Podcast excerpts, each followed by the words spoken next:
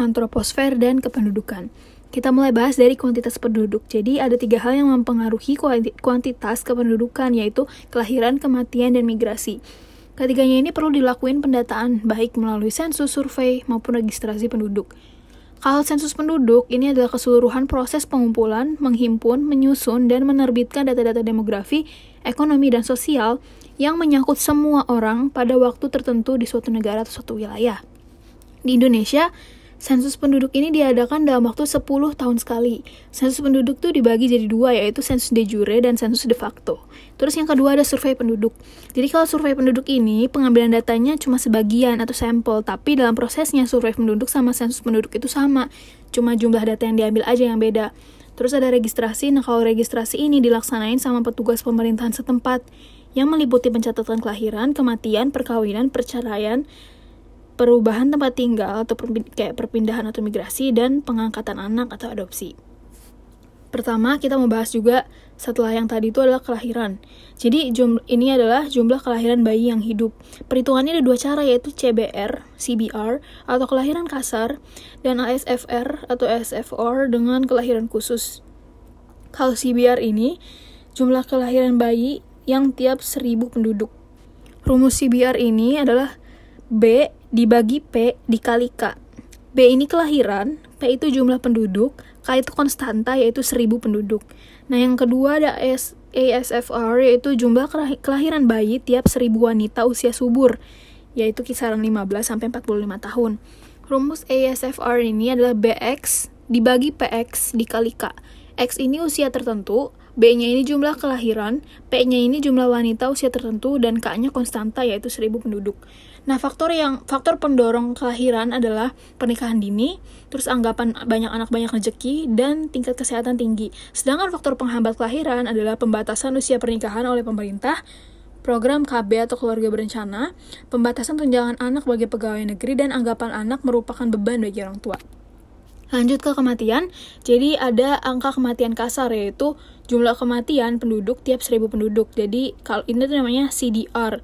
Rumusnya D dibagi P dikali K. D itu death atau kematian, P itu jumlah kelahiran, K itu konstanta yaitu 1000 penduduk.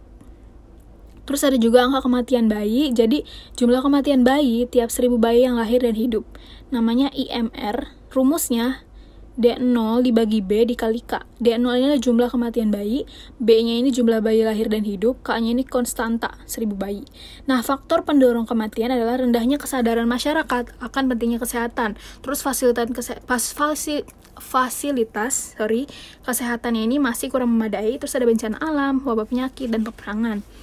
Sedangkan faktor penghambat kematian ini ada fasilitas kesehatan yang udah memadai, lingkungan yang bersih dan teratur, terus adanya larangan agama buat saling membunuh. Lanjut ke migrasi, jadi kalau migrasi penduduk itu adalah perpindahan penduduk dari satu tempat ke tempat lain lewat batas administratif. Tujuannya buat menetap. Nah, migrasi ini dibagi dua, yaitu migrasi nasional dan internasional.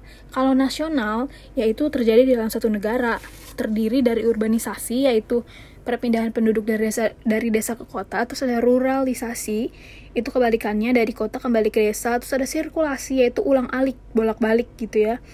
Kayak misalnya kerja di Jakarta tapi rumahnya di Tangerang gitu terus balik-balik. Abis itu ada juga transmigrasi. Jadi ini perpindahan penduduk dari daerah padat penduduk ke daerah yang jarang penduduk. Terus kalau migrasi internasional ini tuh ya ke negara lain yang terdiri dari imigrasi dan emigrasi. Kalau imigrasi itu masuknya penduduk. Kalau emigrasi itu keluarnya penduduk. Terus ada juga urbanisasi kalau urbanisasi adalah perubahan penduduk desa ke kota. Nah, orang yang melakukan urbanisasi ini namanya kaum urban. Nah, urbanisasi bisa juga diartikan sebagai perubahan desa jadi kota. Faktor penyebab urbanisasi dari desa atau faktor pendorongnya, maksudnya yang bikin orang dari desa ini pengen ke kota itu karena lapangan dan jenis pekerjaan di desanya itu terbatas, terus upah tenaga kerjanya rendah dan kepemilikan lahan e, pertanian makin sempit, terus yang terakhir ada fasilitas kurang memadai atau terbatas. Nah, kalau faktor penyebab urbanisasi dari kota atau faktor penariknya, maksudnya kayak apa yang ada di kota yang bikin masyarakat desa pengen ke sana itu karena adanya lapangan kerja di kota yang lebih banyak dan bervariasi, terus ada kesempatan mendapatkan pendapatan yang lebih baik, terus juga ada kesempatan dapat pendidikan yang lebih baik, terus ada banyak jenis fasilitas kayak fasilitas pendidikan, perumahan, kesehatan, penerangan, hidup, dan transportasi. Terus lanjut ke rasio ketergantungan dan rasio jenis kelamin. Jadi ada dua yang terkenalnya, yaitu rasio ketergantungan atau dependency ratio dan rasio jenis kelamin atau yang disebut sex ratio. Nah, kalau rasio ketergantungan itu adalah perbandingan antara jumlah penduduk usia non produktif yaitu 0 sampai 14 tahun dan lebih dari 65 tahun dibandingkan dengan jumlah penduduk usia produktif 15 sampai 64 tahun.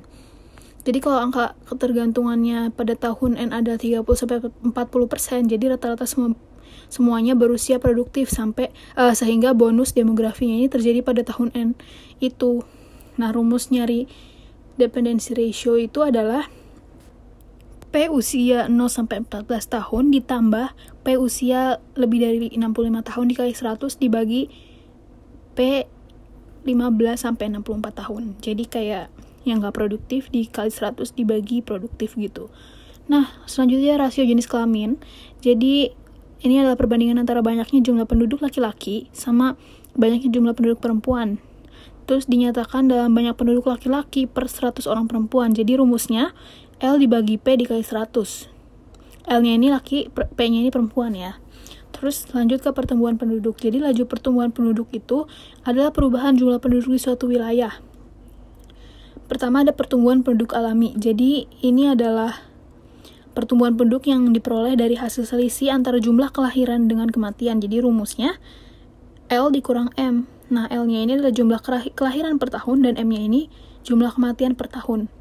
Lanjut ada pertumbuhan penduduk total. Jadi ini adalah hasil dari penjumlahan antara selisih kelahiran dengan kematian dengan imigrasi dan emigrasi. Jadi rumusnya L dikurang M itu kayak di dalam kurung gitu, ditambah I kurang E di dalam kurung juga gitu ya. Nah, L-nya ini adalah jumlah kelahiran per tahun, M-nya ini adalah jumlah kematian per tahun, I adalah jumlah penduduk imigrasi, E-nya adalah jumlah penduduk emigrasi. Lanjut ke pertumbuhan penduduk geometris.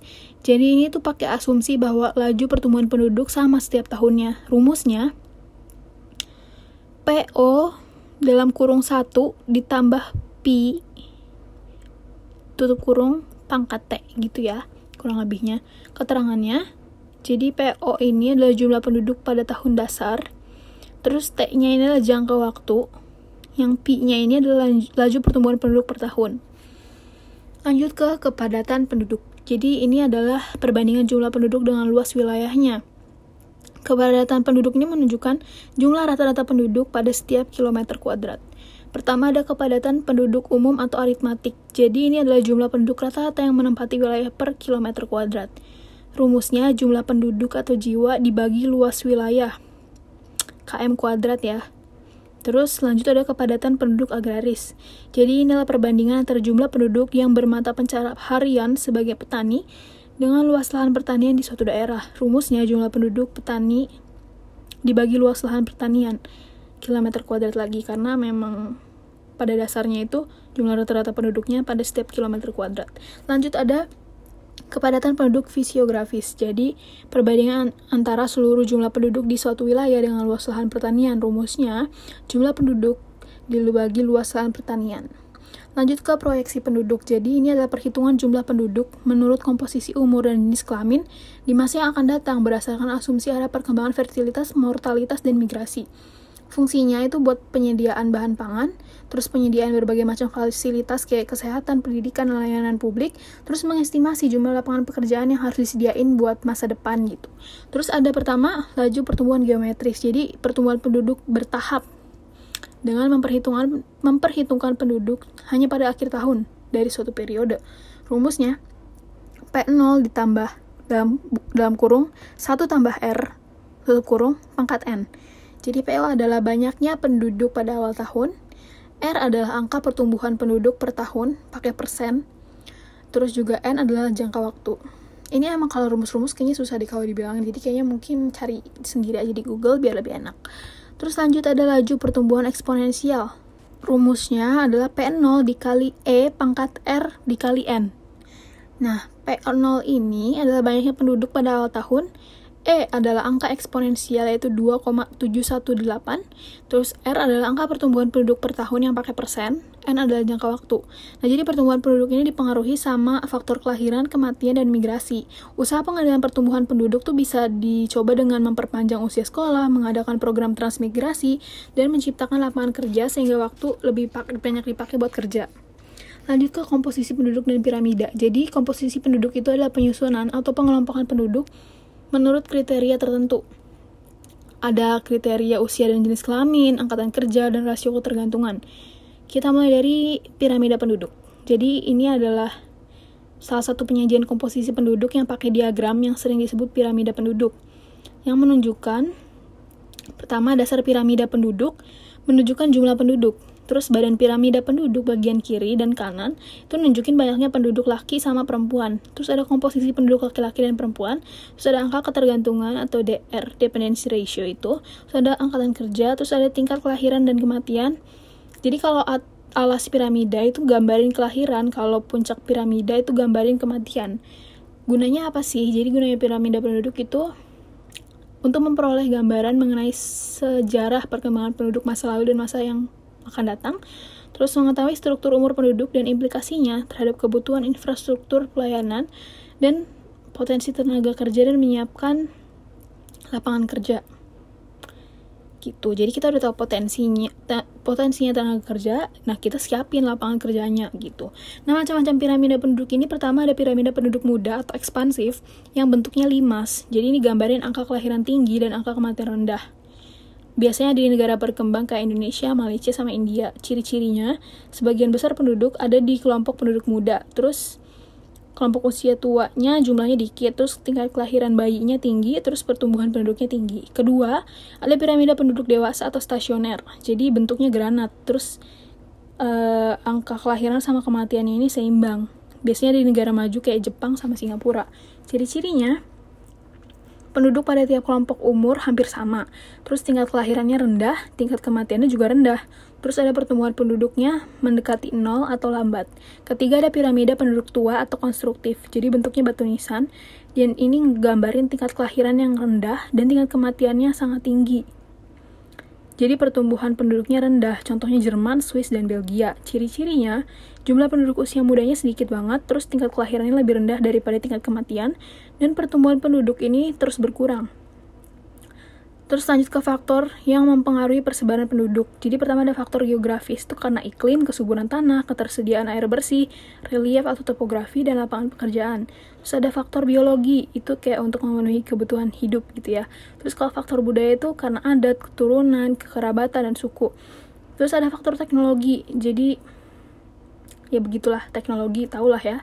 Terus ada lanjutnya indikator kualitas manusia.